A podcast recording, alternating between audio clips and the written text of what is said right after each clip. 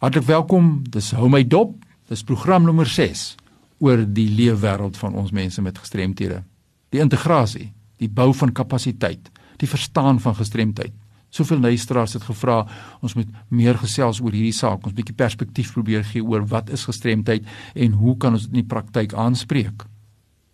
As mens kyk in die vorige program het ons gesê wat is gestremdheid en ek herhaal hier uit die Engels disabilities imposed by society when a person with a physical, psychosocial, intellectual, neurological or sensory impairment is denied access to full participation in aspects of life and when the society fails to uphold the rights and the specific needs of individuals with impairments. Gestremdheid gebeur nie sommer net. En as jy 'n verlies het, beteken nie dat jy noodwendig gestremd is nie. Want dit gebeur in die werkplek afhangende van wat se verlies jy het, wat se impairment jy het en watter graad van impairment jy het. So ek kan nie sommer net sê my oë is 'n bietjie swak nie en ek is 'n persoon met 'n gestremdheid nie. Nee nee, dit nie so eenvoudig nie. Dit moet bepaal word wat ter vlak van hierdie gestremdheid te sprake is en daar's 'n pragtige dokument in ou pen en papier byderhand te gaan om net nou weer herhaal. Noem dit die Technical Assistance Guidelines on the Employment for of Persons with Disabilities. Technical Assistance Guideline on the Employment of Persons with Disabilities. Daardie dokument sê vir jou hoe in die werkplek te werk gegaan moet word om mense met gestremthede op 'n gelyke basis te kan hanteer. Ek gaan hom net nou weer herhaal.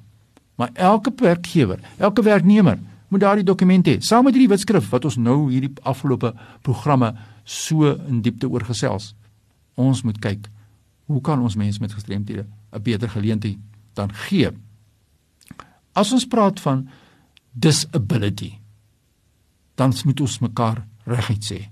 Disability has nothing to do with ability, but everything to do with discrimination. Dis wat die wetskrif ons sê. Dis wat die beleid vir ons sê. So dis disability beteken nie ek moet my ability, ek moet my potensiaal bewys nie. Twee onderwysers. Een gee wetenskap, een gee rekeningkunde. Een van hulle ry en hulle maak 'n motorongeluk. Sê maar die wiskundeonderwyser. Hy kom terug na rehabilitasie, het hy verander. Het sy vaardighede verander, het sy ability verander.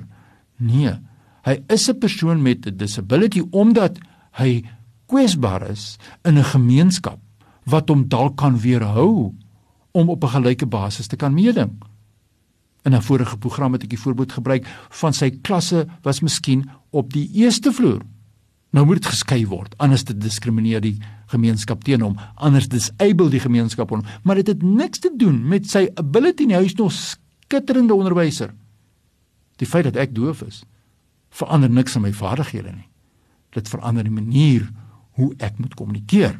En as ek nie in die kerk kan hoor wat die dominee sê nie, omdat daar so 'n klein ou sluitsprekertjies is en die klankakoestiek so swak is en die dominee so ver van die mikrofoon af miskien sou praat of die dominee sê my stem is sterk ek kan julle kan my almal my hoor maar hy vra vir al die hoorendes kan julle my hoor in die gehoorgestremde sit maar hy is afhanklik van hy luidspreker dan strem die gemeenskap hom en maak die gemeenskap 'n gestremde van hom as ek na die bank toe gaan as gehoorgestremde.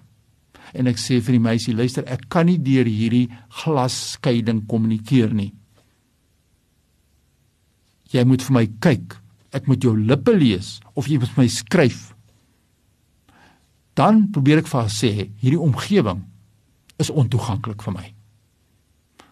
Maar dan moet sy opgelei wees om te kan sien hierdie oom, hy kan nie kommunikeer met my nie. Ek moet die toesighouer gaan vra, kan ons hom nie uitneem na 'n vertrek langsaan waar ons een op een in 'n stil omgewing, een op een waar hy my lippe kan lees, kan kyk sy sake vir hom doen nie.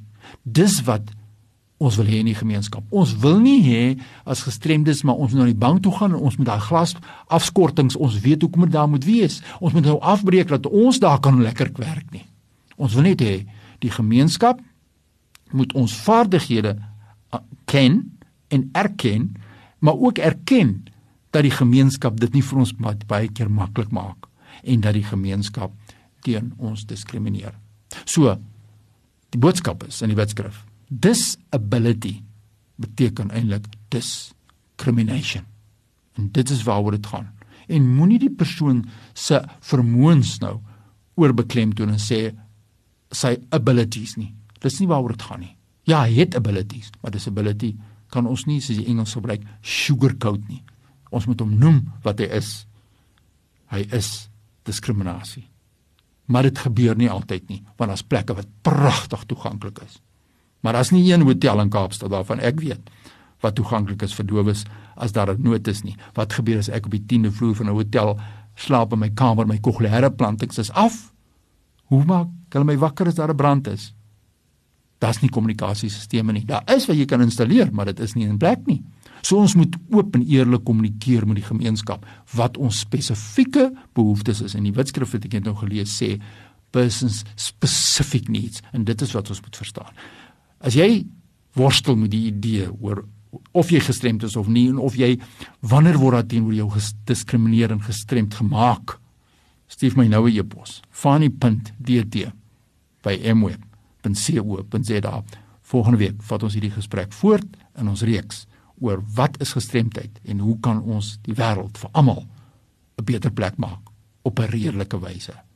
fani.dt by mweb.co.za ons praat weer volgende week. Groetnis